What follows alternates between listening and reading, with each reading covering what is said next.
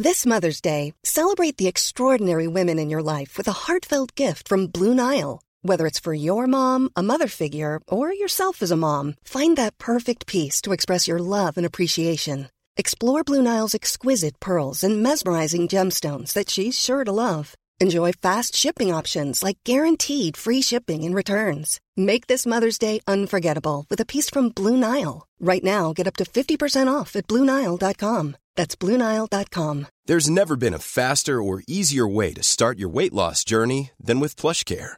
PlushCare accepts most insurance plans and gives you online access to board-certified physicians who can prescribe FDA-approved weight loss medications like Wigovi and Zepbound for those who qualify. Take charge of your health and speak with a board-certified physician about a weight loss plan that's right for you. Get started today at plushcare.com slash weight loss. That's plushcare.com slash weight loss. plushcare.com slash weight loss. Systrarna Elvstrands hästpodd är producerad av Mediahouse by RF. Hej allihopa och välkomna till systrarna Elfstrands hästpodd avsnitt 120. Och 120 minns frågepodd. Det gör det, woho! Det ska bli väldigt kul att få svara på lite frågor igen. Mm. Och jag som snackar nu heter Anna. Och jag heter Emma och den här podden handlar om oss och våra hästar och även hästlivet i stort där vi diskuterar lite olika ämnen om just hästar och ridsport. Ja och emellanåt så kommer det ju lite händelser från våra vanliga liv inom citationstecken. Ja. Men det utrymmet är inte så stort. Nej, för vårt liv består ju till 99 procent av hästar känns det som. Ja vilket vi älskar. Ja, det gör vi verkligen. Men hur är läget med dig idag Anna? Jo men jag mår bra. Ja. Det känns som att eh, livet är på väg att vända tänkte jag säga. Och med livet så menar du fokus eh, benproblem? Ja, Mm. alltså det är sjukt vad hästarnas mående, djurens mående, ens närståendes mående påverkar en så himla himla Mm. mycket. Men jag mår ju skit. Om, om du hade mått skit Mm. så mår jag skit. Ja. Vilket kanske inte är en så bra egenskap egentligen. För att om du mår skit så behöver jag vara den som peppar och mår bra egentligen. Men Mm. Det är sån jag är. Jag kan inte ändra på det. Det är säkert också typiskt kvinnligt, tror du inte det? Jo, Vi är ju, alltså kvinnor är ju mer omhändertagande och eh, empatiska. ja, empatiska än män av naturen. Så det är Ja. säkert vanligare bland oss kvinnor kan jag tänka mig att vi är sådana. Det är väl så våra eh, gamla, gamla, gamla mamma-gener tänkte jag säga. Ja, nej men så det är ändå bra och det känns som att fokus ben håller på att vända till det bättre. Mm. Så jag tycker det känns väldigt skönt. Ja. Men som sagt, jag ropar verkligen inte hej förrän allt är helt 100% läkt. Nej, men du har ju ridit honom lite grann nu det senaste. Ja det har jag gjort och det roliga var att jag var så sjukt pepp. Jag var äntligen ska jag få sitta upp på min älskade lilla häst igen. Sitter upp i paddocken och du rider ju Tage samtidigt då. Och jag tänkte liksom inte mer på det för jag bara det har ju gått så bra den senaste tiden. Nej men han tyckte ju att paddocken hade förvandlats till ett monster. Ja. Typ hela paddocken också. Jag kom så här 20 meter ner i paddocken och sen så bara nej jag vågar inte gå. Enda gången han vågade gå längre ner än 20 meter ner i paddocken det var om Tage gick precis före honom. Lille Tryggve-Tage. Alltså jag, då blir jag bara så här, ja det, det är ingen idé att bli besviken på det här för att Mm. Alltså herregud, jag har ju inte varit i paddocken på en månad säkert. Nej. så att jag, kan liksom inte bli arg. Det är klart att jag inte ska bli det. Men man blir ändå lite så här, alltså vad fasen, nu har vi bott här i fyra år fokus. Och jag tycker att du inte borde reagera så här. Men samtidigt så, alltså han är ju en sån häst så vilar han, då samlar han ju verkligen energi i huvudet. Ja. Det är ju ingenting att han bara, åh gud, det känns som han ska explodera för han är så pigg. Nej. Eh, Det blir ju inte så i kroppen utan det är bara huvudet som ja, men, det sätter lite spel på. Men sen så har jag ju ridit fortsatt i veckan och vi åkte till ridhuset en dag och då var han ju mer avspänd. Men då när vi skulle rida förbi, vi har ju väldigt stora bokstäver i vårt ridhus eftersom vi har mycket pararidning.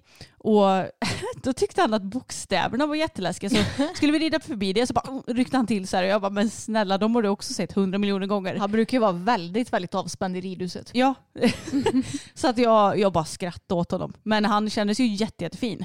Och känns väldigt mjuk och fin i kroppen trots att, alltså jag kan tänka mig att har du liksom sår på benen då blir det ju lite stel längst ner i benen men han kändes inte alls ja, men som att han har stått länge. Nej, och kanske att det kan hamna spänningar på andra ställen för att Ja. kroppen kompenserar upp det på något vis. Precis, jag, jag tänker att när det har läkt ännu mer så ska jag ta ut en, en ekiopat som får kika på honom. Men jag tänker att det kanske är lite för tidigt än. Ja, men om ett par veckor kanske. Ja. Det, jag tänker att det vore perfekt att få till om Kristin kan komma ut precis innan vi åker till Global Champions Tour. Ja och det är ju två, Veckor. två och en halv vecka Ja, bort två och en halv vecka. Ja men det blir nog ganska Mm. lagom. Så då tänker jag att han kan få sig en liten genomkörare av henne. Ja. För det vore nog ganska så bra. Då, då kanske han ändå är fit for fight sen igen. Mm. Men ja, nu, nog ramblat om mig. Hur mår du? Jo men jag mår också bra. Jag är lite pirrig för imorgon ska vi besiktiga vår förhoppningsvis nya häst. Alltså jag är inte ens pirrig inför det. Nej. Men det är nog bara för att alltså, det gick inte förra gången Mm. och jag tror att det kommer gå bra imorgon. Ja. Men jag orkar liksom inte blanda in så mycket känslor så jag är ganska neutral just nu. Ja, nej men jag ser fram emot det i alla fall. Ja. Har längtat efter den här dagen nu sen vi bestämde ja, men en ny besiktningsdag helt enkelt. Så det ska bli väldigt roligt. Sen så var jag och Bella ute på vår första tävling för, ja inte för året men efter skadan igår. Ja. Och vi måste ju dra det här från början så vi får med veckans Hans och sådär också. Förlåt att säga att vi har ett gäng veckans Hans den här veckan. Ja. Och det var ju vår egen ridklubb, Vara Hästsportklubb, som arrangerade en tävling, eller en meeting snarare, eller en tävlingshelg Ja. med ponny på lördagen och storhäst på söndagen, dressyr. Och på fredagen så skulle ju då vi, pappa och en klubbkompis bygga bana.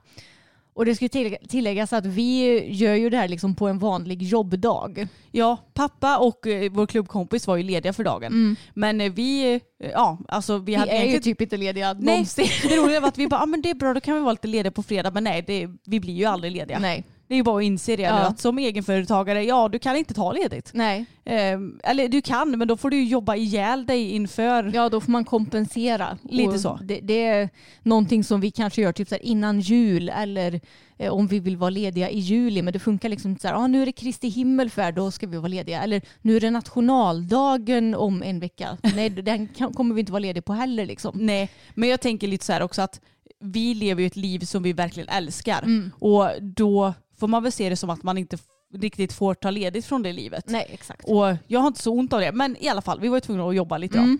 Så Så vi, vi hade ju lite tidsnöd kan man säga. precis, Mm. för grejen var att vi hade bokat att vi skulle boka, boka bana, bygga bana klockan 10. Mm. Och då när vi kommer dit, ja men då höll klubbkompisar på, på med något annat. Och pappa bara, jag ska bara köra ut hö till ridskolästarna i hagen. Och jag tänkte bara, ah, hur lång tid kan det ta? Mm. Jo mina vänner, det tog tydligen 40 minuter för honom att Mm. fixa det. Så vi kom väl igång med själva banbygget typ vid kvart i elva eller något sånt Ja. där. Och då ska man bygga två stycken 2040 banor Mm. med så här plaststaket. De är superbra och smidiga. Men det innebär ju fortfarande att du måste mäta från paddockstaketet. Ja men det blir bra att ha det ungefär tre meter in från staketet och då ska man ha det där. Och, ja men ni vet, man måste ändå ha ett långt, långt måttband och måtta in det här staketet. Det är inte bara Mm. att kasta upp. Men då man ju säga att först så hade vi lagt på det här staketet på vår traktor, eller på kärran till vår traktor. Ja just det. Och pappa han körde då traktorn och så skulle vi lägga ut det ja, men på ett ungefär så som det ska ligga sen så det blir lättare att sätta upp det när vi får med mätbandet och sådär. Ja, och det första han gör då är att han sitter i traktorn och kör medan vi ska liksom plocka ut och då förstår man att då måste han ju köra väldigt långsamt för att vi ska hinna plocka, lägga ut det på banan, hämta nytt, lägga ut på banan. Ja, ni förstår.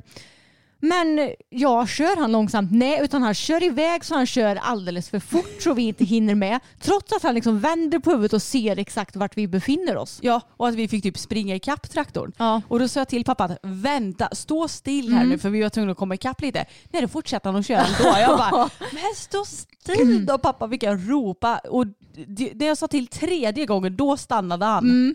Alltså, ibland undrar man ju om han har för mycket öronvax i öronen eller Ja. vad det är. Och sen blev det ju lite dispyt också när det skulle mätas och ha sig. För pappa han ville ju verkligen ha det på sitt sätt. Och, Nej, vi börjar med eh, långsidan eller vad, kortsidan eller vad fan det nu var. Medan vi andra kanske hade lite andra åsikter. Men då får man liksom anpassa sig till honom och vad han tycker. Ja, det, det är ingen idé att käfta emot. Nej. Och sen så om man är den personen, för pappa är ju alltid den som håller i ena änden av måttbandet. Och om man är den andra personen, då får man fasen ha jobbat upp pekfingret innan. För att ni vet, det finns ju en sån här liten, eh, vad ska man säga, Flärp, en liten typ. flärp ja, som man kan stoppa ner sitt finger i och hålla i.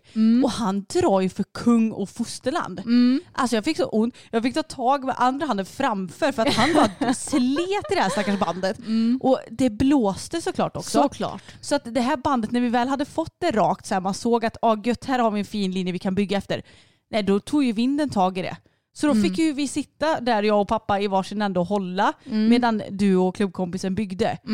Alltså det var så osmidigt. Ja. Så att jag tänkte att det här kommer ju gå jättebra. Vi kommer ju vara hemma till lunch. Mm. Då hinner vi äta och sen så kan vi jobba och greja med det vi behöver greja med. Mm. Men nej, vi var väl hemma ungefär klockan ett och då var vi inte ens klara med allt som vi hade tänkt. Nej, precis. Och eh, man kan ju inte heller göra någonting rätt enligt pappa för han gnällde, gnällde och hade sig. Och sen så ska det också tilläggas att pappa han är ju en väldigt populär man så hans telefon ringer ju hela jävla tiden.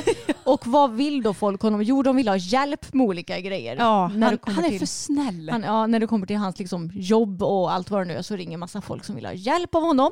Och sen så ringde mamma honom också mitt i allt ska tilläggas. Ja. Ehm, då var klockan typ 20 i 12 och vi hade ju byggt i ja, närmare en timme då Ja. kanske. Och då frågar hon ifall han ska komma hem vid lunch, för de brukar äta lunch klockan 12. Och hon undrar ju det för att hon skulle väl koka ris eller vad det nu var. ja. Nej, och då blir han arg på mamma. Nej, jag orkar inte tjafsa emot Ja. här nu säger han. Nej jag, kommer, ja, nej, jag kommer inte vara hemma förrän vid 14 eller förrän vid 2 eller något sånt där så skit i det. Jag orkar inte tjafsa med och argumentera mer om det här. Man bara, vem är det du har argumenterat med för det första? Det, Det händer ju typ inte. nej, det går ju dessutom inte att argumentera med honom. Nej. Nej, så då skällde han på mamma för att hon hade ringt och frågat om maten. Så hon var inte så glad på honom efter det. Ska sägas. Och, han, och sen när han hade lagt på då sa han Det handlar ju bara om mat hela jävla tiden och att man ska äta och bla bla bla. Och då blev jag arg på honom. Jag bara du ska fan vara tacksam för att mamma ordnar mat till dig ens. Ja, verkligen. Och jag menar vi måste ju äta. Mm. Annars så funkar vi ju inte. Nej. Nej, så att det- var lite, lite tjafsigt där kan Ja, man säga. och jag kan säga att det var lite tjafsigt mellan mig och pappa på tävlingsdagen också sen när jag skulle tävla. Men jag kommer till det snart. Ja. För först måste jag ju berätta hur det gick då. Nej, för först Nej. så ska jag berätta ännu mer grejer. Jaha. För då, då på fredag kväll var det väl, så ligger jag i soffan efter att ha ja, men, jobbat och byggt bana och jag hade dessutom migrän då. Visst hade jag det? Ja. Ja. Eh, Det var väl på grund av alla anspänningar då. Nej, då ligger jag där i soffan och bara äntligen så får jag chilla lite. Nej, då ringer pappa och bara Ja, för vi skulle egentligen låna två stycken B-kortsbussar. Man kan säga att det är ju typ som hästlastbilar, bussar. Men de kör, eh, det är pappas jobb som äger de bilarna och de kör ju så djurartiklar i dem. Eh, Ja, då skulle vi låna till tävlingen. Då ringer han mig på fredag kväll vid typ, ja, jag vet inte vad klockan var, sex, sju, något sånt där. Och bara, ja de här bilarna, de, är- det har ju varit Kristi himmelfärd så det har blivit fördröjt en dag så de är inte tillbaka på, på jobbet förrän imorgon säger han. Alltså på lördagen, lördag kväll. Jaha. Och jag bara, jaha, nej, vi måste ju ha något domartorn. Domarna kan ju inte bara sitta ute på gräsmattan. Så att jag bara, vad gör vi då, då? Han bara, nej vi får väl ta transporter. Och då lyckades en klubbkompis ta med sin transport. Och så sa vi att ja, men då tar vi våran transport också. För att på söndag sen så kan vi ta de här lastbilarna. Och då kan vi byta det ja, men lördag kväll då när de har kommit tillbaka. Jajamän, då så säger vi så och så lägger vi på. Och sen så på morgonen dagen efter så kom jag på att just det, vi måste ju ha musik. Och vi har ju en gammal eh, surfplatta som vi bara använder som så musikspelare när vi har pinjams eller när det händer grejer på ridskolan. Och då så skulle jag ringa honom och säga att han kunde ta med sig den ifall han skulle ut till dig. Ja, då sa jag det. Ja, men eh, du, har du tagit med transporten från Emma? Eh, nej, det trodde jag att hon skulle göra. jag bara, men Emma kommer inte ens ut till ridskolan. Hon ska ju greja med hästarna och eh, ja, men fixa med Bella och sånt inför tävlingen. Jaha, ja, nej då får väl du åka och hämta den då. Jag bara, men vad fan jag skulle sitta i sekretariatet. Jag skulle liksom vara på plats halv åtta. Ja. Och det här var kanske så kvart över sju något sånt där. Så jag bara eh, fick skicka till min klubbkompis och bara jag kommer komma sent och hon bara jag löser det, det är lugnt. Då fick jag ju åka hit och dessutom så hade ju Tage såklart kissat i transporten. Ja. Så då var jag tvungen att ta ur spånet och jag bara åh, alltså seriöst varför ska det, varför kan inte jag och pappa bara kommunicera fram kan du fixa transporten eller kan, nej men alltså jag, nu skyller jag inte på honom för att det är ju lika mycket mitt fel att vi inte kom överens om någonting men jag känner bara hur svårt ska det vara att kommunicera? Tydligen väldigt svårt. Ja, och en annan, eller är du klar med din lilla historia? Ja, nu är jag klar. Ja, alltså herregud vad vi pratar om pappa men det har varit mycket nu den här veckan. Och eh, också då på lördagen, för vi har ju pratat om att vi ska tumma vår lösdrift som vi brukar göra inför sommaren. För att det ska bli mindre flugor och sådär. Och eh, vi har egentligen sagt att ja, men vi kanske ska göra det den här veckan för då har väl vi liksom tid och kan hjälpas åt. Ja, i helgen har det ju varit väldigt mycket. Precis med tävling och allt. Och då kommer ju pappa hit på lördagen precis när jag går ut och ska eh, ja, men typ ta hand om Bella. Jag skulle gå ut och gå med henne och putsa utrustning och allt vad det nu var. Så kommer han Hej, hjälper du mig att tömma lösdriften nu eller? Och jag bara, nej jag ska göra ordning Bella och, och fixa med mina grejer. Ah. Och jag bara, men vi kan väl göra det nästa vecka istället? Nej, då gör jag det nu istället. Själv som vanligt. Alltså det roliga är att han har aldrig tömt Nej. själv för det har vi alltid hjälpt till med Ja. alla år. Ja, verkligen. Så där kryddade han lite. Ja, det gjorde han verkligen. Men han gjorde det väldigt snabbt. Ja, jag, är, jag är helt chockad när jag, för jag sa det bara, "Ah, nu står hästen och hänger vid lösdriften, det kanske är mycket flugor där nu. Och du bara, nej men den är tömd. Jag bara, va? Det hade han inte sagt till mig. Nej, men det har han fixat i alla fall. Okej, men nu över till min och Bellas eh, tävlingsdag då. Ja. Och ja, men det började ju hemma med att hon var ett jävla svin när jag skulle lasta henne rent ut sagt. Hon var en liten fireball. Hon var en fireball och eh, ja, vi fick lösa det genom att liksom backa transporten till carporten och lasta henne där i för då finns det liksom inget ställe som hon kan springa åt sidan på utan då går hon in så snällt så. Ja, eh, man kan säga att det är väl lite som att lösa det som att man lastar i en ridhusöppning till, i princip. Ja, Eller exakt. stallöppning eller något. Ja, och Mm. jag tycker ju inte att det är optimalt för jag vill ju att liksom, det inte ska vara något problem men när man ska iväg på tävling alltså, då är det ingen idé att eh, Tjafsa. nej, precis. Och hon är ju fan livsfarlig. Hon ställer sig och stegrar och hoppar nästan på en och sådär. Så, eh, som sagt, det är ju typ vårt enda, mitt enda problem jag har med henne känns det Mm. som. Och jag kan säga att när den dagen vi tar tag i och bokar in en session med Kajsa Mm. som är djurkommunikatör, då får vi verkligen fråga Ja. what's the deal about the transport liksom. alltså, hon är ju så snäll på bortaplan. Ja, hur snäll som helst, lastar sig själv och liksom, hon är görsnäll på bortaplan. Men det är som att hon bara, nej jag vill inte åka hemifrån. Det, Ja. kan, det kanske är så. Det är väl säkert positivt på ett sätt för det betyder väl att hon trivs här. Ja. Men eh, ja, det är ju fortfarande väldigt, väldigt störande. ja, och jag menar man vill ju inte att det ska hända någonting. Nej. Alltså eftersom hon stegrar och håller på. Precis, det finns rätt stor risk för det kan jag säga. Ja. Eh, Men eh, som tur är så kände jag henne ganska bra Ja. så jag vet när jag behöver flytta på mig och. Men i alla fall, då blev det lite tjafs mellan mig och pappa såklart eftersom han ska lägga sig i ganska mycket och sådär. Men sen på ridskolan när jag red fram, hon var så jäkla fin. Alltså så fin som hon var på framridningen, det har hon typ aldrig varit någon gång. Och det är ju jättekul med tanke på att ni har ju inte ridit Mm. så jättemycket på banan. Men alltså hon känns så jäkla fin. Hon känns ju minst lika fin nu som hon gjorde innan hon skadade sig tycker Mm. jag. Så hon är verkligen i superfin form. Jag kan ju bli i bättre form men eh, hon är i jättefin form i alla fall. Eh, Så framridningen kändes toppen. Jag red eh, mestadels utan spö på framridningen också så hon var väldigt fint framme för skänken och sådär. Och sen så när jag går in på banan så för en gång skulle det vara liksom ingenting som hon höll på och krånglade för. Nej jag såg det. Eh, utan hon var liksom, det var ingenting som hon liksom upplevde som för mycket tryck som hon kan göra så att hon ska liksom stanna sig och backa och stegra och allt vad det nu kan vara. Utan det var, kändes väldigt okomplicerat. Men däremot så tappade hon ju liksom all bjudning inne på banan och allt sug för min skänkel. Mm. Och när hästen inte är framme för skänkeln, alltså det är omöjligt att få den liksom bakbenen inunder sig, att man får den här fina liksom, vad ska man säga, linjen över ryggen och Ja, men själva kontakten. ostbågen Ja. från manken ner till bakhov kan man ju Ja säga. men exakt. Den fick jag liksom inte till och Nej. den där kontakten i munnen och att det ska hänga ihop med skänken och hela den energi eh, valsen. Paketet, Ja, ja. exakt. Eh, så det fick jag ju tyvärr inte till så det kändes ju, alltså själva programmet jag gjorde verkligen mitt bästa, jag kämpade på. Eh, men däremot så bjöd ju inte hon till någonting för fem öre. Nej. Och så det kändes väldigt, alltså det kändes inte bra alls, det kändes skit. Eh, sen så har jag ju sett på filmen och det ser ju inte katastrofalt ut men jag vet ju att vi kan mycket bättre än så här. Mm. Och det är väldigt frustrerande när hon var så jävla fin på framridningen och sen så tappar vi typ så här 90% inne på banan.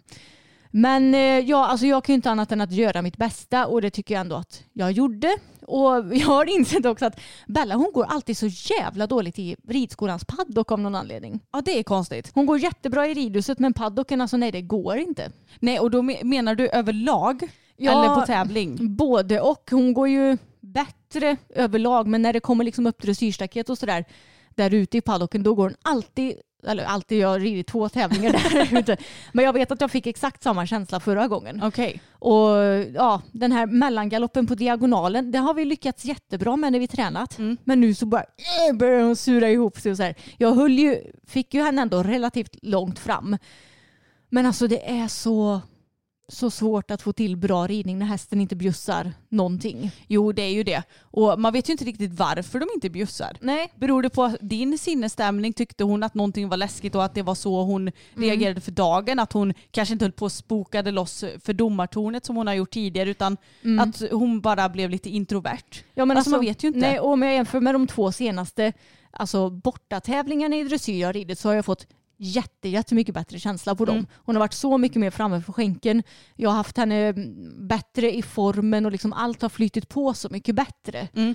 Eh, så hon är inte alltid så här dåligt framme för skänken och jag får inte alltid så här dålig känsla utan jag har ändå fått bra känsla när jag har dressyrtävlat med henne. Så det är lite frustrerande. Ja, det, det är tråkigt för tävlingsmänniskan i dig samtidigt Ja. som hästmänniskan i dig accepterar att läget är så. Ja men exakt. Jag Så är det ju alltid. jag är ju en jävla tävlingsmänniska så det är ju frustrerande när det inte går som jag vill. Nej. Men liksom, jag älskar ju Bella lika mycket oavsett om hon går dåligt på tävling eller inte. Det är liksom inte någon big deal. Men hon har ju också skämt bort mig väldigt mycket med bra resultat och bra känsla på de allra flesta tävlingar. Så Ja, jag, alltså det här var väl er sämsta tävling resultatmässigt någonsin? Ja, och jag fick 60% blankt. Och alltså det, jag har inte ens varit i närheten av så dåligt resultat med henne. Varken Nej, vad är det sämsta du fått innan? Typ 65? 65-66 procent, Ja. något sånt där. Och det är ju det är skitbra. Alltså Ja. Hon har ju verkligen skämt bort det med fina resultat. Ja. Men jag tyckte faktiskt inte att ritten var värd 60. Jag tyckte att ni kunde fått mer än så. ja, men jag tycker också det nu när jag har sett ritten och jämfört med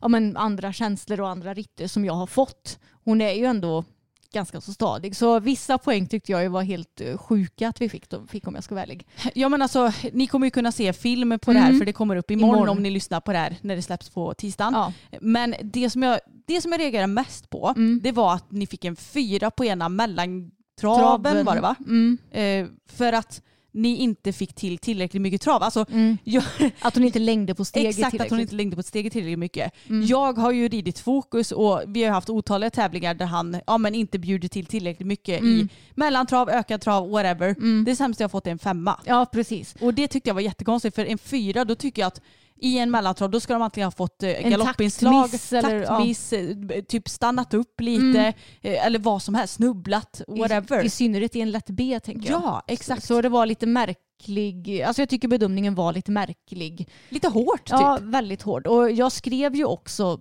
samma dag i Medus Forsé till exempel för en Mm. annan domare. Och jag kan säga att det krävdes ganska mycket för att hon skulle sätta en fyra. Då var det typ så här, ja, i den förvända galoppen att den bytte till rätt galopp. Mm.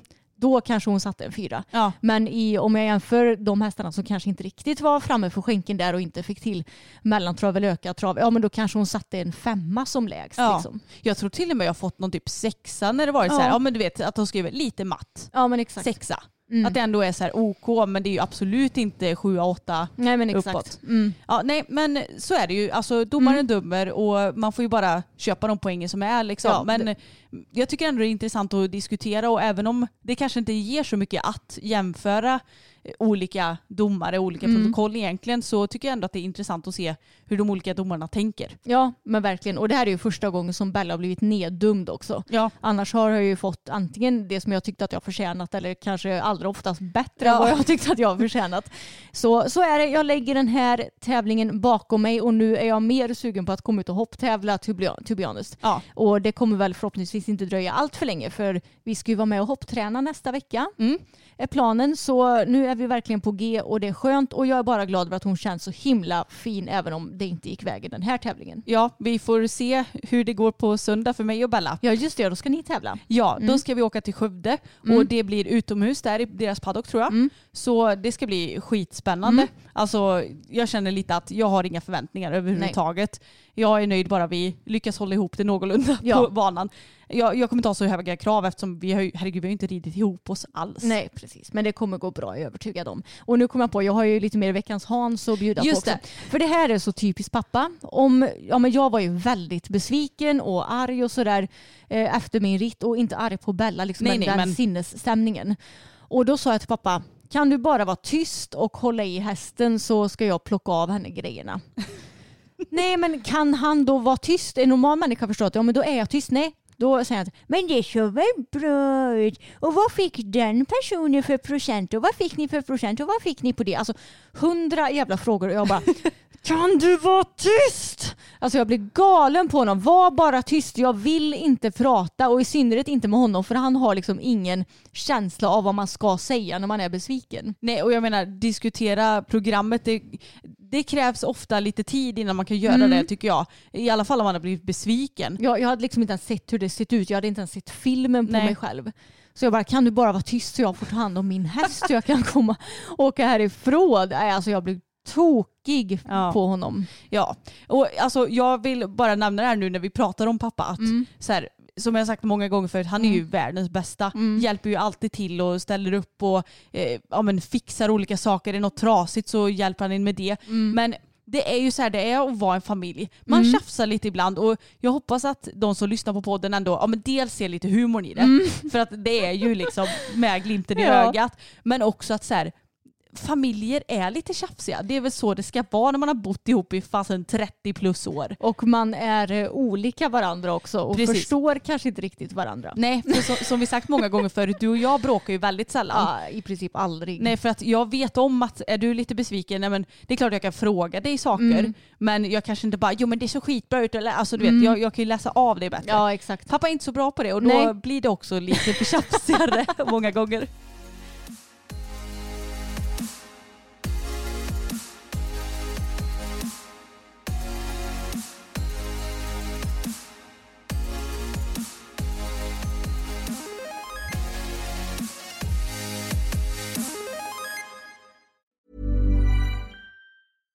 Ready to pop the question? The jewelers at BlueNile.com have got sparkle down to a science with beautiful lab grown diamonds worthy of your most brilliant moments. Their lab grown diamonds are independently graded and guaranteed identical to natural diamonds, and they're ready to ship to your door. Go to BlueNile.com and use promo code LISTEN to get $50 off your purchase of $500 or more. That's code LISTEN at BlueNile.com for $50 off. BlueNile.com code LISTEN. There's never been a faster or easier way to start your weight loss journey than with PlushCare. PlushCare accepts most insurance plans and gives you online access to board-certified physicians who can prescribe FDA-approved weight loss medications like Wigovi and Zepbound for those who qualify. Take charge of your health and speak with a board-certified physician about a weight loss plan that's right for you. Get started today at plushcare.com slash weight loss. That's plushcare.com slash weight loss. plushcare.com slash weight loss. Okej men då är det verkligen på tiden att vi går över till frågorna Anna. Ja. Och jag tänkte ta och börja med din fråga här. Jag älskar er podd och verkligen när ni gör frågepodd. Jag har en fråga jag hoppas att ni verkligen kan ta upp. Det var en trend på TikTok där folk la ut på när de provred och skrev en kort text om varför de inte köpt hästarna. Det var oftast dåliga saker de, beskrev, de beskriver hästen om. Och vad tycker ni? Ska man få filma på en provridning? Och jag antar att personen menar liksom vad vi tycker om att filma och lägga ut liksom filmerna. ja, för alltså filma en provridning tycker jag absolut att man ska få lov att göra. Men det här är ju helt sinnessjukt. Verkligen. Jag visste inte om att det var en trend men sen så är jag ju absolut väldigt oinsatt i TikTok. Jag med. Jag vet bara att eh, det är så mycket hat på, den, eh, på det communityt. Och det finns säkert väldigt mycket kärlek också. Men jag vet att det är många som skriver till oss att ja men nu har folk lagt ut en film på er där och de skriver så här om er typ. Alltså att det är väldigt mycket skit. Och det tycker jag är jättetråkigt. Så därför känner jag att TikTok är verkligen ingenting som jag vill eh, ja, blanda mig in med. Nej. Men om vi ska övergå till frågan här nu då. Alltså det är ju riktigt jävla respektlöst mot hästägaren. Mm, verkligen. Att bete sig så här. Mm, verkligen. Och jag känner att vad, alltså vad, vad finns det för syfte med det hela för det första? Om jag tänker på oss som är offentliga personer. Jag skulle aldrig lägga ut en film på en häst som vi har provridit om vi inte köper den hästen Nej. sen. För då är det ju vår häst och vi får liksom lägga ut det vi vill.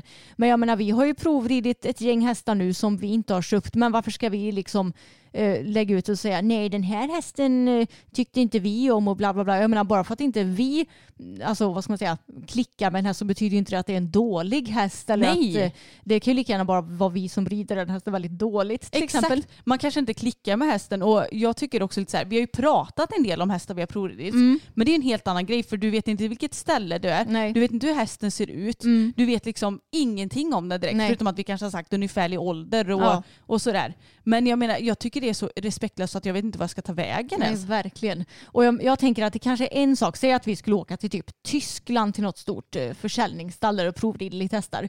Då kanske man skulle kunna lägga ut lite klipp att ja men de här hästarna provred jag men man behöver ju inte liksom prata illa om hästarna. Nej, Eller typ betygsätta dem för det Mm. låter nästan lite så här att eh, ja, men det här fick den ner på, det här fick den upp på typ. Ja, Nej alltså jag fattar inte. nej precis. Men jag tror, alltså på tal om TikTok så tänker jag att det är väl väldigt mycket barn som hänger på den plattformen som kanske inte är så kunniga som många vuxna är och då drar förhastade slutsatser om olika grejer. Och, alltså, är du en barn ungdom så har du oftast kanske inte lika hög självkänsla heller som om du är äldre. Och det är nog därför kan jag tänka mig som det blir mer hat på en sån plattform som är så inriktad på yngre personer. Ja säkert. Jag, jag tycker bara att det är väldigt tråkigt. Eh, Men eh, ja, som sagt, jag tycker att det är helt sjukt. Ja. Väldigt, väldigt respektlöst. Man får ju tänka på vad man lägger ut. Brukar ni ge era hästar godis efter ridpassen? Varför, varför inte? Har hört många olika svar på denna fråga då vissa tycker att det är självklart att hästarna ska få godis efteråt medan andra tänker att hästarna börjar tigga. Vad tycker ni? Alltså våra hästar är väl ganska bortskämda när det kommer till godis. Men jag ger aldrig efter ett ridpass. Nej, alltså vi använder ju snarare godis när vi mentaltränar hästarna som beröm för att nu gjorde du rätt. Och när du ska ge hästen liksom godis som beröm då måste det ju verkligen vara direkt när den har utfört en sak som den har gjort rätt så att den ska fatta att det hänger ihop med det. Exakt. I början när jag och Fokus vi hoppade typ en pytteliten klubbhoppning på 30 cm tror jag. Och i början när vi höll på och ja, men, hoppade lite mer banor och sånt där och var lite mer gröna på det hela. Då hade jag en godis i ridbyxfickan. Så direkt efter avslutad ritt satte jag till skritt, stannade, gav honom en godis. Och så gillar jag ju att kunna göra. Men jag ser inget syfte till att gå in till stallet och göra en godis efteråt liksom. Nej, precis. Eh, men alltså med det sagt inget fel i att berömma hästen. Mm. Istället så är det lite så vi jobbar. Att Tycker vi att hästarna gör någonting väldigt bra, antingen får de ju beröm genom en eftergift Mm. i handen eller sådär. Eller en skrittpaus eller att man verkligen berömmer och klappar om den Ja, istället. precis. Men jag får säga att det är väldigt effektivt eh, med godis som belöningssätt. Jag märker ju när jag mentalt tränar Bella, hon är ju väldigt, väldigt smart. Så om hon har fått alltså godis när hon har gjort kanske någon ny övning rätt, då vet hon ju precis vad hon ska göra sen. Och sen så vet hon också om att hon ska få godis. Så då vänder hon sig om till mig och så pluppar hon så här med läppen bara ge mig godis. Fokus gör typ samma sak. Om jag säger så här när vi mentaltränar och så har han gjort en grej bra och så ger jag honom godis Mm. i samband med det. Och om jag säger typ bra, duktigt och tittar på mig och bara åh ska jag få godis nu? Ja, de är Så- inte dumma. När ni red på ridskola, red ni någonsin i olika grupper och vem red i så fall i den bättre gruppen? Kunde det bli bråk över vem som egentligen var bäst? Nej, Vi, vi... red i samma grupper va? Jag tror det. Ja. Men sen så vill jag minnas att jag och pappa red själva i en måndagsgrupp någon gång. Ja, det vill jag också minnas. Det kan ju hända att det var så under den tiden som du hopptränade för Therese på ridskolan. Ja. Och jag, alltså jag vågade ju typ aldrig riktigt det. Var ni med i någon hoppgrupp då? Eller? Ja. Det, eller typ en sån här specialgrupp, Specialgrupp. som var varannan Mm. vecka dressyr, varannan vecka hoppning. Just det. Det är nog enda gången som vi ridit i olika grupper tror jag. Ja, jag tror det också. Annars har vi alltid ridit i samma grupper och vi har ju även ridit i ja, men specialgrupper, typ hoppgrupp och dressyrgrupp Mm. och sådär. Så nej, och det har väl aldrig varit något tjafs om vem som är bäst heller eller? Eller vänta nu. jag, jag måste tänka tillbaka nu. Det är ju så, alltså, vi red ju på ridskola väldigt länge. Och det är ju så många år sedan nu så jag kommer knappt ihåg. Men jag tror att på lördagar så hade de ju eh, specialgrupper när vi var yngre. Jag tror att jag red i den första och du i den andra. Jaha. För du red ju ihop med typ eh, Annika och Jenny och dem. Mm. Och jag red ihop med Hanna och nu kommer jag inte ihåg vilka fler det var i den här gruppen men jag tror att vi red i olika grupper då. Ja. Men nej, alltså det har aldrig varit något tjafs för att vi har, ja, men du och jag vi har varit lite som, eh, vad ska man säga, ett, ett torn så här att Mm. ja men det kan hända att ibland så var du lite före mig men sen så hoppade jag upp ett snäpp och sen hoppade du upp ett snäpp. Alltså så här, Mm. vi har ändå varit på ungefär samma nivå men det är klart att någon kan ju ha stuckit iväg lite men jag har aldrig känt någon så här ilska eller avundsjuka över att Åh, nu är Emma bättre än mig utan då, Nej. jag vill bara sett det som bra för då kan du ju hjälpa mig. Ja, och vi har ju inte heller jämfört oss med varandra. Nej, Så som det är bara kan- alla andra som gör Ja, det. det är ju bara alla andra som gör det, men vi jämför oss ju inte med varandra, utan bara med oss själva. Mm. Så nej, det har inte varit nå- någon liksom konflikt på grund av det här i alla fall, vad jag kan minnas. Nej. Kan ni någonsin ha dåligt samvete över att ni inte gav Tage och Boppen de bästa förutsättningarna med varierad träning, alltså förr i tiden då? Eller kan ni acceptera att det var länge sedan och att eh, Tage då har fått oss att bli så duktiga som vi är idag?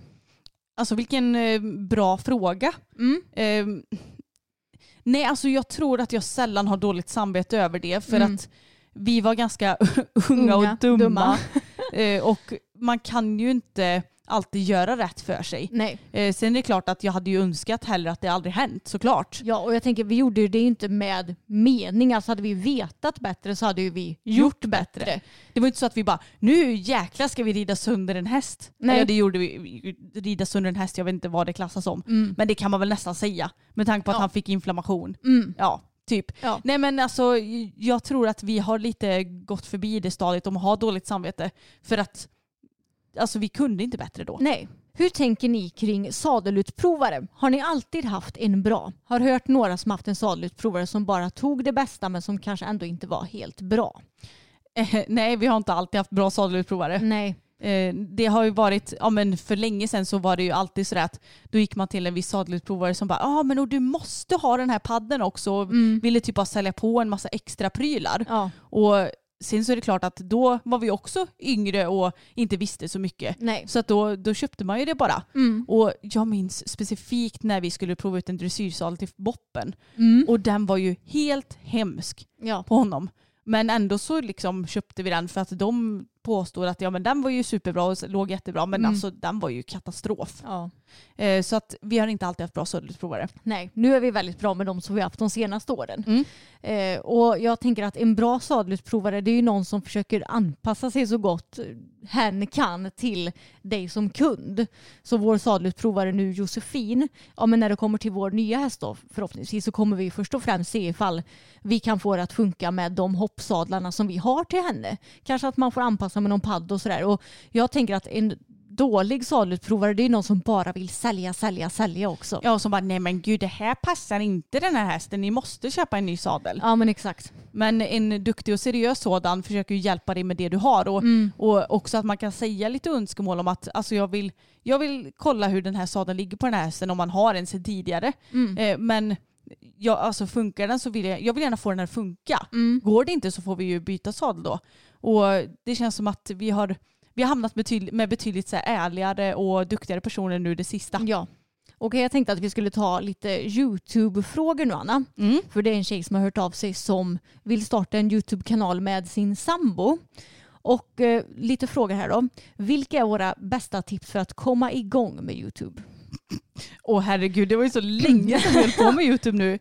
Gud, har du något bättre svar än mig Ja, på den? det är väl kanske att man köper en bra kamera för det första. Ja, Eh, laddar ner ett redigeringsprogram som funkar. ja vi, vi har ju ingen eh, alltså Apple-utrustning i vår, vårt hushåll för Nej. det är en sak som pappa, han är stark Ja. motståndare emot. Verkligen. Så att vi har ju PC Mm. och då har vi laddat ner ett program som heter Wondershare Filmora. Mm. Och det är ju faktiskt ändå, alltså det är ett ganska simpelt program. Mm. Allt handlar ju om hur mycket man vill göra såklart. Precis. Men jag tycker det funkar alldeles utmärkt Ja. för den nivån som vi gör på. Precis, funkar bra för vloggar och jag tror jag betalar typ så här 400-500 spänn för livstidsanvändning. så Det var väl bara en fast kostnad? Ja, det är liksom. bara en kostnad så det är ju väldigt billigt också. Ehm, några fler tips? Alltså, jag tänker att när det kommer till att vara bekväm och så framför kameran, det kommer ju komma med tiden. Ja, Och eh, det jag tänker på det är väl att försöka titta in i vad ska man säga, kameralinsen Linsen, mm. istället för i vad heter det, viewfindern. Mm. Det gör jag ibland men det är mest för att jag vill se så att jag kommer med i liksom, Ja. bild och sådär. Men så att man talar till tittarna och interagerar mycket med dem också, svarar på kommentarer och sådär om man vill bygga en bra relation, om man vill få sin YouTube-kanal att växa. Eh, även liksom dela på Instagram eller kanske Facebook att nu har vi släppt en ny video och spana in den så att det kan få lite spridning och sådär. Ja, och något som jag tänker också på det är försöka vara så stadig som möjligt när man filmar. Mm. Alltså stadig på handen. Till exempel om man ska filma sig själv i selfie-mode. Att man försöker inte flacka för mycket med handen utan Mm. försöka vara så stabil som möjligt. Det är inte så lätt alla gånger men man kan ju alltid försöka. Precis. Och något som också är bra att tänka på, eh, säger ju vi som bor på slätta då, som det blåser på hela tiden. Mm. Men det är att försöka att tänka på när ljudet är som bäst. Ja, Man kanske inte behöver stå ute och filma om det blåser halvt storm utan då kanske Nej. man kan vara inomhus. precis. Eller skaffa någon bra mikrofon. Mm. Men det är väl egentligen det som jag tänker på. Ja, och fixa roliga thumbnails kanske. Det är också mycket det som drar tittare. Ja, jag vet inte hur roliga våra thumbnails är. Det är Nej. ju jag som sitter på den posten. Men eh, vi hade ju ett möte för inte så länge sedan med våran, eh, ja vad ska man kalla det? Talent manager. Så kallas det ja. Mm. det finns så många olika På Splay. benämningar. Mm. Ja, på Splay. Eh, Amanda heter hon. Och eh, då sa hon att jag har ingenting att klaga på när det kommer till er. Vi bara nej. Jag, jag tänkte att jag skulle få lite hänvisning om våra thumbnails, Ja. att de kanske inte var så roliga. Men alltså, samtidigt så är det så här. Jag, jag tycker det är så tråkigt när man, eh, eh, vad säger man? clickbaitar alldeles för mycket. Mm. Alltså vi är sådär, om det händer något kul i videon, typ att vi trillar av eller hästen stegrar eller ja, vad det nu må vara. Det är Mm. klart som tusan att det blir till en thumbnail då. Ja, Men jag skulle ju aldrig så här, åh men nu tar vi en avramningsbild på en film där jag inte ramlar av. nej exakt. Ja, sen är också en fråga, vad tycker ni är viktigt att tänka på? Det kanske hör lite till det som vi har sagt nu också. Men thumbnails och även rubriker. Mm. Det är ju en bra thumbnail och en bra rubri- rubrik är ju typ det viktigaste att ha för att få bra med visningar. Ja, och sen så tror jag det bara är att acceptera att så här, vissa videor går bättre än andra. Ja, Ibland så vet man inte varför. nej. Eh, och ja, men ha lite tålamod. Och något som också är bra, både för YouTubes algoritm men också för, för tryggheten för tittaren, det är ju att man återkommer på samma dag och Mm, tid. Precis. Så sätt inte så här att ni ska, åh vi ska släppa fyra videos i veckan utan börja med en video i veckan. Mm. Eh, ha onsdagar klockan 10 eller Mm. någonting. Alltså bara sätt så här, en dag, ett datum, då vet ni att då ska YouTube-videon vara färdigproducerad. Och man kan ju tidsinställa och allt sånt så det är ju supersmidigt. Mm. Så börja där och så kan man kanske utöka med tiden om man känner att det är kul och att man hinner och orkar. Precis, det är ju bättre att man börjar lite försiktigt och sen trappar upp så att man känner att man hinner med. Det var ju samma när vi startade vår podd så släppte vi avsnitt varannan vecka i början. För då poddade vi ju inte hemma heller. Nej. Men nu är det inga problem att hinna med ett poddavsnitt i veckan. Nej. Men det hade ju ja, varit värre kanske om vi hade släppt här ett poddavsnitt i veckan och sen bara nej nu får vi gå ner till ett varannan vecka. Ja men exakt. Mm. Så gå inte ut för hårt. Ja, på tal om det här med, med podd så är det ju det är flera stycken som frågar kan ni inte ha en poddvecka? Typ att vi släpper ett avsnitt varje dag Jaha. i en vecka. Och Mm. jag, jag måste säga att vi blir ju otroligt glada för frågan över det. Mm. Men alltså det skulle ju aldrig gå. Vi hade inte haft saker att prata om i en hel vecka och vi hade inte hunnit heller för den delen. Nej det hade blivit lite klurigt Ja. kanske. Men vi älskar att ni älskar podden. Ja. Och hur började då vår resa med YouTube? Jo men det var ju egentligen att eh, när jag gick i gymnasiet sista året så skulle jag göra ett projektarbete som hette vidareutbildning av häst. Och då dokumenterade jag den resan på min blogg med Tage och då fixade jag också en YouTube-kanal i och med det och laddade, eller laddade upp liksom videos, ridvideos på Tage då. Ja, för att komplettera din Ja. loggbok kan man ju säga. Ja, och så man skulle se att ja, men nu red jag en felfri runda på den tävlingen och allt Mm. vad det nu kunde vara. Så det var så. I början la vi ju bara upp rena ridfilmer och sen så började vi med lite vloggar ja, några år senare. Och det roliga är att pappa klippte ju våra videos från början. Just det! Så gulligt. Vi bara, pappa kan du klippa ihop den här videon nu? Och så satt han i något så här jätte basic program. Ja. Mm. Så att eh, det är egentligen pappa som började vår YouTube-karriär kan man säga. Tack pappa. Verkligen. och vi har ju redan pratat lite om vår syskonrelation men vi har fått en fråga Eh, där det är en person som skriver att vi verkar ju ha världens finaste syskonrelation men har ni någon gång upplevt en rivalitet mellan er? När har det i så fall uppstått och hur har ni hanterat den? Jag har själv ett syskon som inte längre är så nära eftersom relationen inte riktigt funkar och jag tror att det kan bero på just rivalitet och jämförande. Särskilt när ni har samma stora intresse och jobb så känns det som att det skulle kunna hända ibland. Alltså det här är ju så svårt för vi har ju som sagt aldrig haft någon rivalitet mot varandra och jämfört oss med varandra. Och jag vet inte, jag, om, om jag får försöka leka lite psykolog nu så tänker jag att våra föräldrar har ju liksom aldrig jämfört oss med varandra. Jag skulle precis säga det. Jag tror att mycket tack vare våra föräldrar som ändå har gett oss en trygg, trygghet i att vi inte är samma person. Nej. För att det känns som att väldigt, väldigt, väldigt många andra har typ tyckt att vi varit samma person. Jag vet Mm. att när jag gick typ i, eller när jag skulle börja så här två, trean, för Ja. det, vi gick ju så här ett, två, nej ettan, nollettan, Ja. ett, tvåan, Nej, 01, 2, 3 och sen var det 4. fyrfemman. Alltså jag ber om ursäkt, jag är lite luddig i huvudet fortfarande efter en helg där jag suttit och räknat eh, typ eh, 150 protokoll. Mm. Men i alla fall. Så att lärarna där, jag vet att de bara åh nu kommer Emmas lilla syster och de Mm. visste hur duktig du var i skolan. Mm. Och där kände jag ju kanske lite press. Mm. Men ingen rivalitet för att jag kände fortfarande så här att alltså, mamma och pappa har inte pressen på mig att jag måste leverera lika Nej. mycket som du. Så att de har ändå lagt en trygg grund eller vad man ska säga till oss. Mm. Men jag tänker lite så här. Alltså känner man att man har en rivalitet syskon emellan och att det blir lite skavigt på grund av det. Det bästa man kan göra är väl ändå att erkänna det för varandra. Ja. Att så här, eh, vi låtsas att du rider eh, 1,30 nivå och jag rider på en meter nivå i hoppning. Mm. Bara tar ett exempel här nu för att få det lite mer målat. Och då kan jag ju rakt ut säga till dig att alltså, hörru, jag, jag är faktiskt avundsjuk på att du är på din nivå. Mm. Eh, och jag tycker det känns jobbigt för att jag vill ändå att vi ska ha en nära relation. Men jag känner att just nu går inte det för att ja, men jag tycker att det är så jobbigt att du är så mycket bättre än mig. Ja. Typ. Eh, sen behöver inte nivå betyda att man är bättre, men ni förstår vad jag Mm. menar.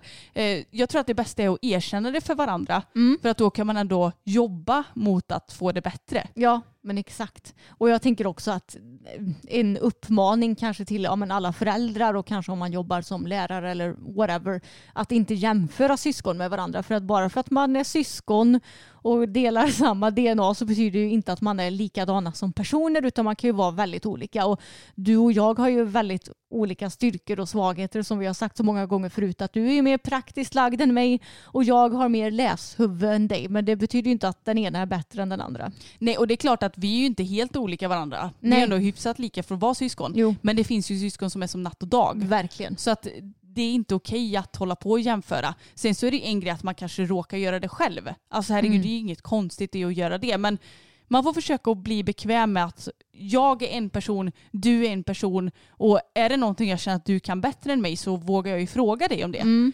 Och jag tror att man måste Ja men det är nog bara att försöka prata om det. Eller bara, det är inte så bara för det kan vara skitjobbigt. Men Mm. vill man ha en bättre relation med en som man känner att det blir skavigt med så är det nog tyvärr att ta tjuren vid hornen och prata om det. Ja. Ja alltså det går ju inte att undvika den här frågan Emma. Hur går det med ditt dejtande? Nej men jag dejtar väl bara lite casual just nu skulle jag säga. Ja, Alltså jag jag tar det lite som det kommer och jag tänker att eh, jag kanske kommer satsa på att vara singel nu i sommar i alla fall så får jag se sen till hösten. Alltså jag har ju inte ens Tinder eller något sånt där. nej. För jag orkar liksom inte med det. Du orkar inte ge dig in i den där grejen igen Nej, just nu. så I'm taking it casual. Ja, men det kanske är skönt också eller? Ja, men det är det. Hur är Tage i dressyren med halsring? Tyckte jag såg ett fint galoppombyte i en video. Eh, I så fall gjorde han det galoppombytet väldigt, eh, väldigt, väldigt eh, diskret för det märkte inte jag av.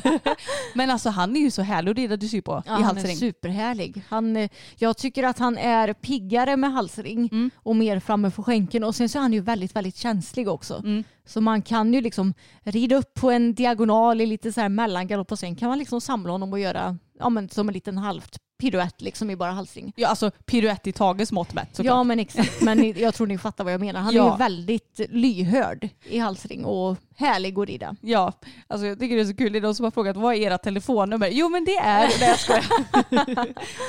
Hur många gånger har ni ramlat av? Alltså hörni, vi tappade räkningen för väldigt länge sedan. Mm.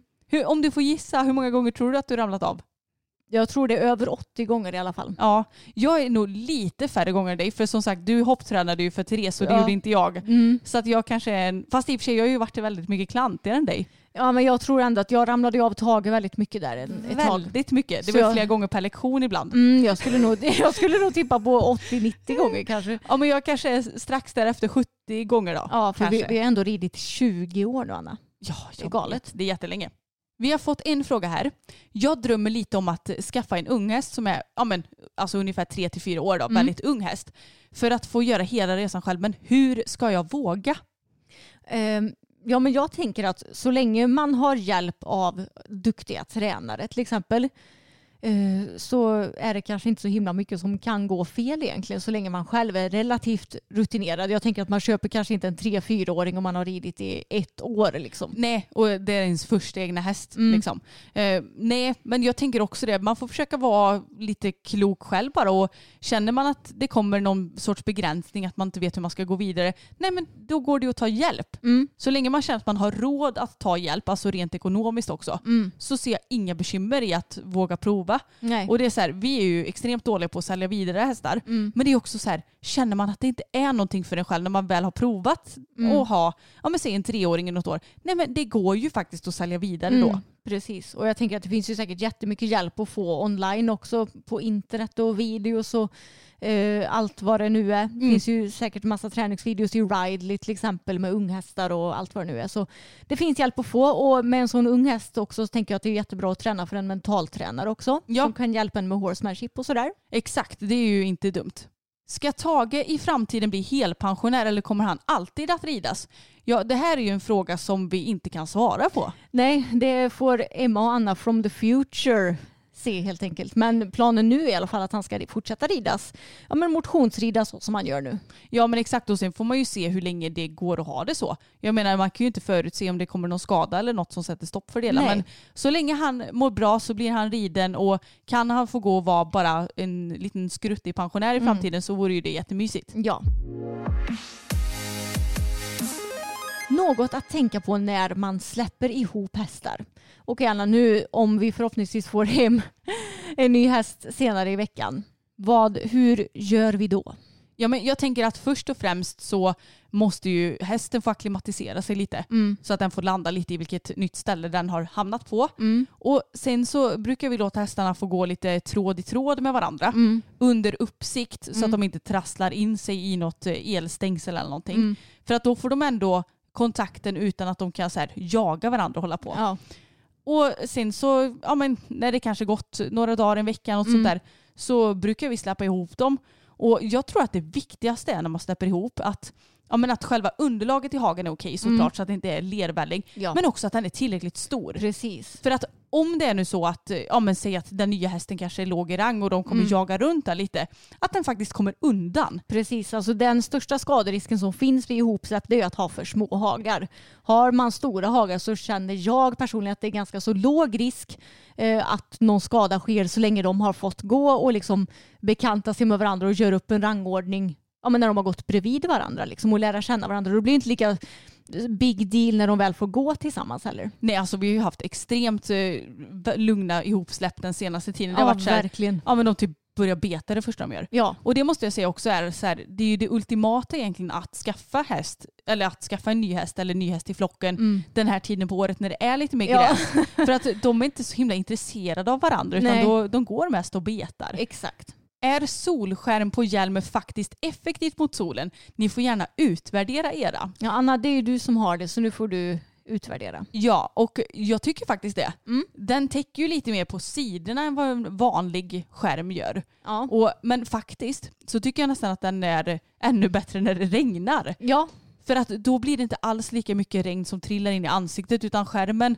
är ändå så pass stor så att den stoppar det där. mm. Men det roliga är att jag, eller vi har ju 1K-hjälmar och de har ju fäste för solglasögon.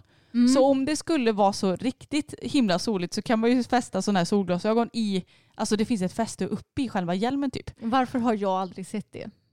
Din hjälm kanske inte har det. Nej, kanske inte. Eller så mina är jag hjälmar- så disträ så jag Ja. inte har sett det. Kanske. Och jag funderar på om jag ska skaffa mig ett par. Alltså de kommer antagligen vara skitfula men jag tänker att det är ganska skönt när det är soligt ute. Mm. Så ja, för att svara på frågan, jag tycker att det hjälper. Ja. Sen är det klart att det är inte som att ha solbriller på sig. Nej, det här är en rolig fråga. Tror ni på att kristaller liksom sänder ut energier?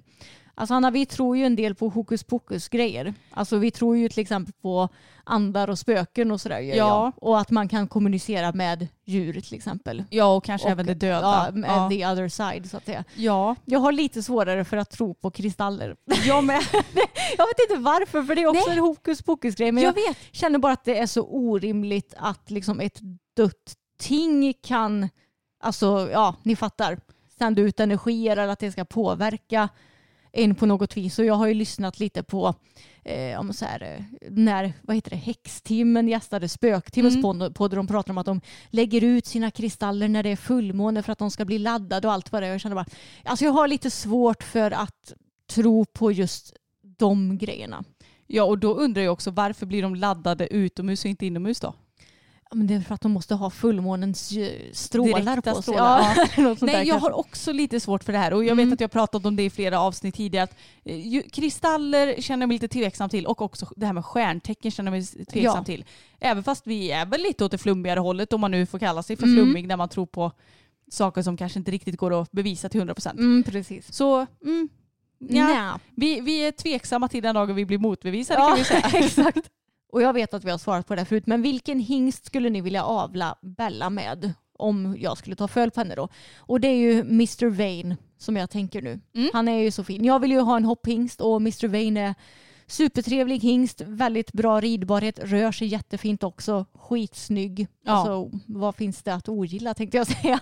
Hur tänker ni kring hårt uppbetslade ponnys? Skarpa bett för att barnet ska kunna ha kontroll på en för het ponny. Ja. Alltså jag vill säga att jag är lite tvådelad i den här frågan. ja. Å ena sidan tänker jag att det är väl bättre att ha ett skarpt bett på ponnyn och att ryttaren kan liksom ta mindre hjälper än att man ska ha ett milt bett som ryttaren får slita och dra i. Det tror jag ju är mer obekvämt för ponnyn. Ja. Däremot så kan jag tänka mig att det kanske är många ponnyryttare som tävlar i hoppning som tycker att dressyr är väldigt tråkigt och som kanske inte lägger så mycket eh, tid och energi på det och som kanske inte tränar så mycket dressyr heller så att om de hade gjort det kanske de inte hade behövt de här skarpa betten. Du fattar? Ja, exakt. Alltså, jag, jag kan tycka exakt samma sak. Och att man då tänker lite så här att hade, säg att barnet rider mycket dressyr och verkligen tränar på det men ponnyn blir fortfarande jäkligt het vid hoppning. Mm. Ja men då får den väl ha ett lite skarpare bett då. Mm. Men är det bara en quick fix så har jag svårare för det. Ja, precis. Alltså, vi har ju pratat om det själva, men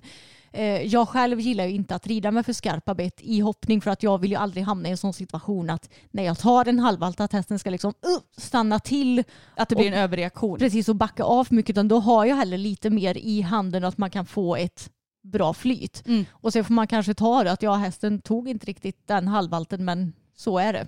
Precis. Mm. Okej, men vi har fått lite frågor om vad vi tycker om diverse hästpoddar. Eh, men jag får säga att jag själv har inte fastnat för någon annan häst, eller för någon annan hästpodd. Jag lyssnar inte ens på vår egen.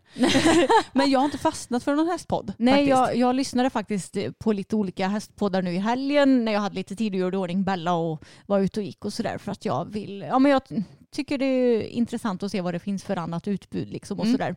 Men alltså det finns ju en del podd, hästpoddar som är lite mer intervjupoddar Mm. och det är lite svårt att jämföra en sån podd med vår podd som är lite mer snickesnackpodd. Men när det kommer till alltså inte bara hästpoddar utan poddar överlag som är snickesnackpoddar. Då vill jag att det ska vara lite rappt tempo. Man ska inte tänka i hundra år innan man säger någonting utan det ska vara liksom spontant och ärligt och eh, att det också bjuds på en hel del humor. Mm. Jag gillar till exempel Johanna och Edvins podd Ursäkta väldigt mycket för att den är väldigt ofiltrerad. Ja. Och det tycker jag att vår podd är också. Vi är väldigt bjussiga, det, det går snabbt och vi bjuder på humor och vi är personliga. Men jag Och vi gråter ibland. vi gråter ibland, vi skrattar mycket. Jag, vet inte, jag tycker inte att det finns någon annan sån hästpodd av de större som jag har lyssnat på i alla fall. Nej, och det är så. Alla gillar ju olika. Precis. Så eh, det är inte mer med det. Nej, jag lyssnade på Clear Round-podden i helgen Vilken är det? eh, med Per-Ola och Micke tror jag de heter. Vänta, Per-Ola är det han som varit med i Bonde söker fru Ja, för hundra år sedan? Ja. Exakt. Eh, den var faktiskt eh, ganska rolig och bra tycker jag. De är ju ofiltrerade och liksom eh, jag tycker att det är den bästa hästpodden som jag har lyssnat på. Men sen så spelade de in i typ jag vet inte om det är någon kafémiljö så att det var lite brus i bakgrunden. Det funkar ju inte riktigt för min misofoni. Nej, men vänta, Per-Ola och Micke sa du? Jag, jag, jag, han- jag tror han heter Micke, jag vet inte. Jag har ingen aning om vad Nej, jag den här tänkte fråga andra... vem är det? Jag, jag vet inte, det var mest Per-Ola som pratade och Micke Ja. som sa lite grejer ibland. Men det som jag, tyckte det var intressant när de diskuterade lite så allmänna grejer, typ så här, vem är den mest överskattade ryttaren och underskattade ryttaren i världen och så. Ja. Men sen så pratar de lite om, alltså deras podd går väl lite ut på att de ska eh, kommentera så här nationella tävlingar som har varit och pratar om ja, den där ryttaren René hon red 1,40 alltså det är totalt ointressant för mig att lyssna på för jag har ingen aning om vem det är och jag har inte sett eh, Tävlingen. tävlingen. Så jag tror att om de hade skippat det segmentet så hade podden kunnat bli ännu bättre och liksom kunna nå ut till en större målgrupp. För jag tycker egentligen att de två gör sig väldigt bra som poddare. Ja, och då kanske du hade varit en trogen följare av podden Ja, också. precis. Mm. Hade de inte haft det så hade jag garanterat lyssnat på den igen. Men så som det ser ut nu så skulle jag inte gjort det. Nej. Hej och välkommen till Emma och Annas poddtips.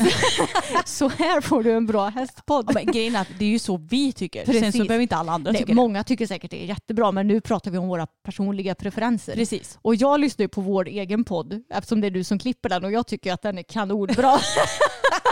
Ja men det gör ju mig glad i alla fall som Ja, sitter och klipper. Exakt. Nej men det är ju lite så, många frågar ju så här, kan inte ni lägga ut ett oredigerat poddavsnitt? Men det hade varit så tråkigt tycker jag för ibland så kommenterar, eller så kan vi diskutera att så här, ja men för då skriver vi skriver upp olika saker som har hänt i veckan i mobilen Mm. och även så här om vi fått upp någon artikel eller grejer.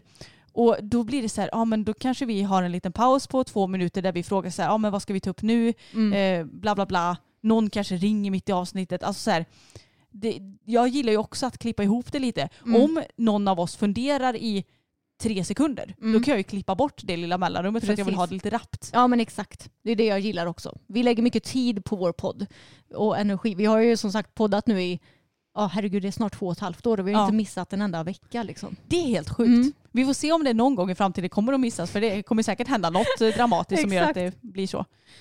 Okej men vi har fått en fråga här. Vad är det högsta som ni har hoppat med Tage, Boppen, Bella, Fokus och Abbe?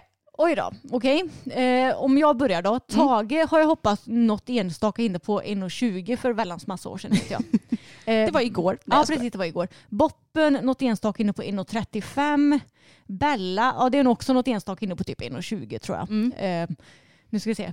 Ab- Fokus. Fokus. Vad kan det vara? 91 meter något sånt där kanske? Har du hoppat så högt på honom? Jag kommer inte Ja. ens ihåg de gånger du har hoppat honom typ. Jo men 90 har jag garanterat hoppat i alla fall. Ja. Kanske lite högre.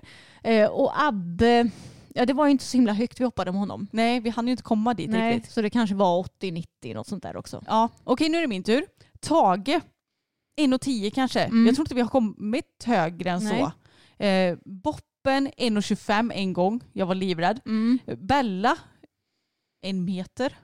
Ja, kanske. Eller lite högre kanske. Ja. 1,5. Ja, inte, inte 1,10 liksom. Mm. Eh, Fokus 1,15 och Abbe, jag tror att vi klippte något inne på 90. Ja, Men vi hann ju inte komma längre med honom tyvärr. Nej, exakt. Vad är något som ni alltid har i eran frys? Jag har alltid formbar, eller liksom vegofärs i min frys. Mm. Eh, Det står något. No, aha, okej. okej. Vegofärs.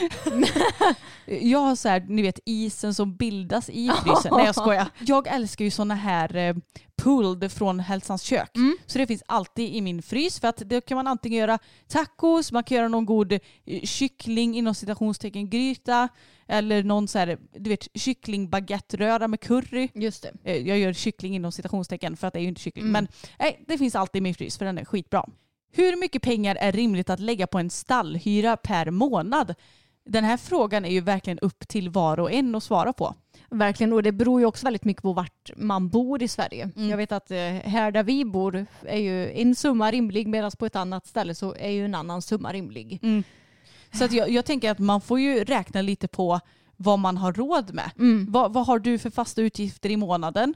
Eh, Ja men säg att det uppgår mot en 6 000 kronor i månaden. Vad är din lön? Mm. Eh, Hur mycket kan du tänka dig att lägga på en stallhyra? Är det 2 000 kronor eller kan du gå ännu högre? Mm. Och man får ju tänka lite på vad man behöver för faciliteter också. Precis. För det kan ju finnas något stall som har ridhus till exempel Mm. och något stall som inte har ridhus och då borde ju priset skilja sig. Ja, Men det kanske ändå blir billigare för en i månaden om man tar det här stallet med ridhuset som kanske är lite dyrare Mm. istället för att ta det här utan ridhus där du kanske behöver åka till ridhus några gånger Ja, i veckan exakt. när det är dåligt väder och där du kanske behöver ridhuskort och då blir det bensinkostnader. Mm. Alltså man får ju försöka väga in allt. Jag, för min del som inte betalar ett skvatt i månaden, får över stallhyra, Mm. så känns det ju typ orimligt med vad som helst.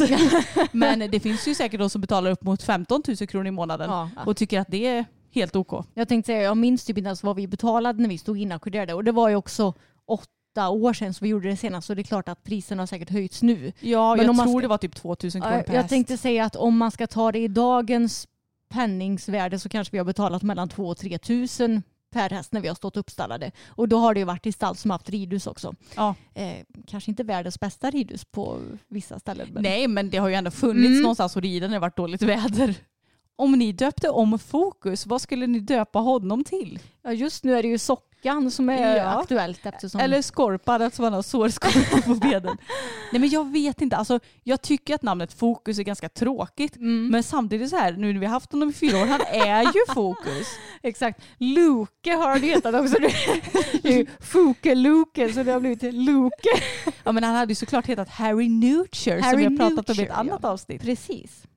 Hur är det med städkillen på gymmet? Ja alltså städkillen han är ju long gone men Ja. det har ju blivit utbytt mot en städgubbe nu Ja, istället. verkligen. Men städgubben är mycket bättre för han är inte i vägen utan han har ju stenkoll på vart man befinner sig. Han är så respektfull. Han är så respektfull. och han är så duktig för att jag tror att han är anställd av kommunen. Mm. Eh, Och han städar verkligen så här lister och alla vikter på gymmet och ovanför alla maskiner. Alltså han Mm. är riktigt noggrann. Mm. Men han är ändå så här att ja, men är man på väg att ta en maskin så ja, men då går jag och städar någon annanstans. Mm, liksom. Exakt. Men vi har ju lite bekymmer med en ny grabb på gymmet. Eller jag vet inte hur ny han är men han är ny för, för vi tränar ju typ alltid på morgonen. Ja. Typ halv åtta Mm. på morgonen, något sånt där så tränar vi. Det brukar oftast bli den tiden. Ja.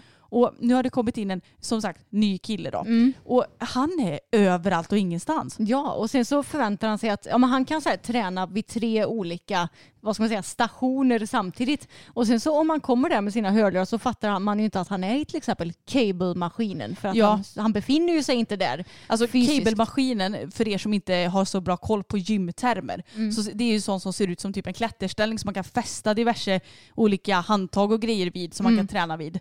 Eh, så ja, ibland så är han liksom borta 10 meter bort. Mm. Och, bara, och så kommer han fram till en nästan springande så bara Ja. jag är här. Man bara Ja. det är du ju inte för du är ju där borta. Exakt. Ja, då, då blir jag så irriterad. Men ja, eh, ja Han är tror lite att han äger hela gymmet kan man säga. lite så. Mm. Och det värsta av allt är att han speglar sig Mm. efter varje sätt. Och då är det så här, alltså jag kan absolut titta mig i spegeln när jag är på gymmet. Mm. Ibland så vill man ju se att, ja, men, så att man är rak i ryggen när man gör vissa saker och Mm. att man ja, har rätt teknik. Liksom. Men efter varje, ja men då kommer liksom armen upp i någon spänn-grej och tittar verkligen så här och så ser man hur han bara, åh, mm, så här. Mm. Åh, jag, jag får panik. Ja, jag får panik. Mm. Sluta spegla. Alltså gud jag, åh, jag, jag blir galen bara Och prata sen om så, han kommer ju fram och börjar prata med dig någon gång och fråga, har vi pratat om det i podden? Nej jag tror inte det. Nej. Men det var så kul för att då eh, höll jag upp två hantlar och skulle börja köra lite så här uppvärmning för rygg. Och så körde jag lite så här och, han, och så frågade han om han kunde ta bänken jag var vid tror jag. Jag bara Mm. ja absolut det går bra så här. Eh, och så sa han bara har du tränat länge eller? och jag bara eh, ja, alltså jag vet inte ens hur länge vi har tränat. Typ. Så jag bara ja Fem, sex år. flera år så han Mm. bara, ha flera år så, så, här, så tog jag på mig hörluren igen för jag, alltså jag kanske är lite tråkig men jag åker inte till gymmet för att prata med folk. Nej. Jag vill träna. Mm. Ehm, så då tittade han lite på mig så här och jag bara var det något mer du ville Ja. tänkte jag så här. Och då, då sa jag det till honom efteråt. Tyckte han att jag eh, var väldigt svag, Mm. hade dålig teknik? Mm. Var han imponerad? Ja. Eh, ville han fortsätta prata? Ville han skaffa sig någon kompis? Ville Ja. han ragga? Alltså jag, jag har ingen aning om vad han Nej. ville. Men jag kände att nu är det här, this conversation is over. Gud jag, vad dryg jag är på gymmet. Vilken gångart är bäst? Alltså jag tycker att galoppen är den roligaste gångarten att rida Jag och jobba hästar i. Det, den är så härlig att rida i och jag tycker att man märker också resultat i ridningen så bra i galoppen att nu kunde jag samla mer och nu har hästen blivit mer reglerbar och nu kan man flytta den si och så och sådär. Så jag gillar verkligen att jobba hästarna i galopp. Ja, men jag älskar också galopp. Jag tycker att det är så rolig gångart och jag känner mig mycket stabilare i galopp än vad jag Mm. gör i till exempel ja, Man slippa sitta och skumpa och tänka på det till 99 procent. Ja, men å andra sidan, när jag har ridit Pippi till exempel som kan Piaff och Passage, Mm. då är ju trav väldigt, väldigt kul. När Ja. man går mot samling mot Piaff och Passage och sånt där. Mm. Men eh, galoppen slår ändå allt. Om ni hade fått chansen att köpa Allan för en låg summa, Mm. hade ni då köpt honom? Vad svarar du på den frågan? Vi är ändå två personer så vi får svara Ja. var och en för sig. Jo, men jag vet inte om jag hade klarat av Allan. Han verkar ju ganska så svår eh, av det som man har sett. Okej, men du hade ändå kunnat tänka dig att köpa honom? Ja, men han är lite liten också. Fast det är klart, kan Peder rida honom så kan väl jag rida honom. Men eh, ja, alltså jag menar storleksmässigt då. Inte, Ja, ja, ja. absolut inte talangmässigt. Bara, alltså jag är lika bra som Peder. Nej, men, ja, för en låg som... Ja, men varför inte? Ja, jag hade faktiskt inte gjort det. Nej. Ja, Men han är ändå, börjar ju ändå bli lite till åren. Mm, Han är ganska liten. mm. Han har förskräckliga gångarter, ursäkta mig. Eh, men alltså han är ju verkligen en hopphäst. Ja. Nej, vad skulle jag med Allan till Mm. känner jag. Ja, det är ju mer en häst som man kanske hade kunnat ha väldigt roligt med i hoppningen då. Jo. Om man nu hade klarat av honom. För han, som sagt, han verkar ju vara ganska så svår och jag vet inte om jag hade kunnat rida honom överhuvudtaget. Nej, men du hade ändå kunnat tänka dig med, med hjälp då, Mm. Kan man ju säga då, om, Mm. om det hade ko- dykt upp lite bekymmer. Ja, Men jag säger nej. okej. Om ni skulle få flytta till valfri hästgård, vilken hade ni då valt?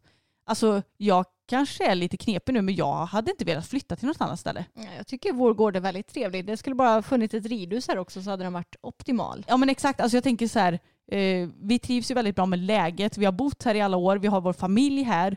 Mm. Jag, jag ser ingen anledning till att flytta även om vi hade fått det gratis faktiskt. Det, jag tänkte säga att det kanske är dumt att inte ta chansen om man hade fått det men nej, vi trivs så bra här. Är hästarnas utseende viktigt för er? Alltså jag kan säga att nej, nu när vi har alltså varit och kollat på hästar så har vi inte brytt oss någonting om hur de sett ut, vilken färg de har, vilka tecken de har och så vidare. Utan det enda är ju att vi har en specifikt höjdpreferens kanske och att hästarna bör vara lite större. För att vi gillar inte, eller gillar, men vi tycker att vi trivs bäst med hästar som är lite större. Ja, men det är väl egentligen det vi har tänkt på. Ja, sen är det ju trevligt om hästen är gullig också, men det, man blir ju sån också. Att man tycker alltid att sina egna hästar är det finaste som finns. Precis som att jag antar att man tycker att sina egna barn är det finaste som finns. Ja.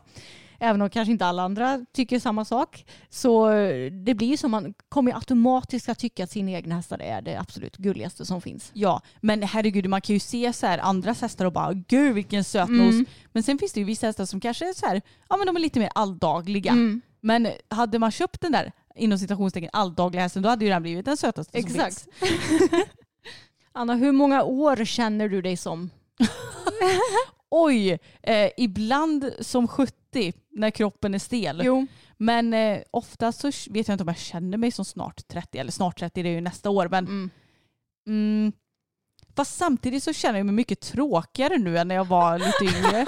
ja, men det, jag hittar inte på så mycket grejer men det är nog tack vare den här pandemin. Jo, jag tror det med. sig. Man har blivit lite trökigare. Alltså vad bra fråga. Vad tycker du? Eller vad Ja, känner men du? Liksom? jag känner mig kanske som 20 28 kan jag väl säga då. Eftersom jag också känner mig lite trökigare än när man var 20 och var ute och festade precis varje helg. Ja, fast det är ju inte direkt något mål jag har nu heller i och för Nej, sig. Men... jag vet. Men okej, 28 i sinnet och 70 ibland i kroppen då kan man ju Ja, säga. men, men typ. Mm. Så jag känner mig ungefär som min egen ålder då med andra ord. Ja, men jag tror att eh, ju äldre man blir desto yngre kommer man nog känna sig. Ja, och jag vet att mamma pratade om det någon gång när vi pratade just om det här med mental ålder. Att hon bara, jag har nog inte fattat att jag har blivit äldre i kroppen för jag känner mig som 30. Ja. Så att jag tror vi, vi stannar kanske här nu.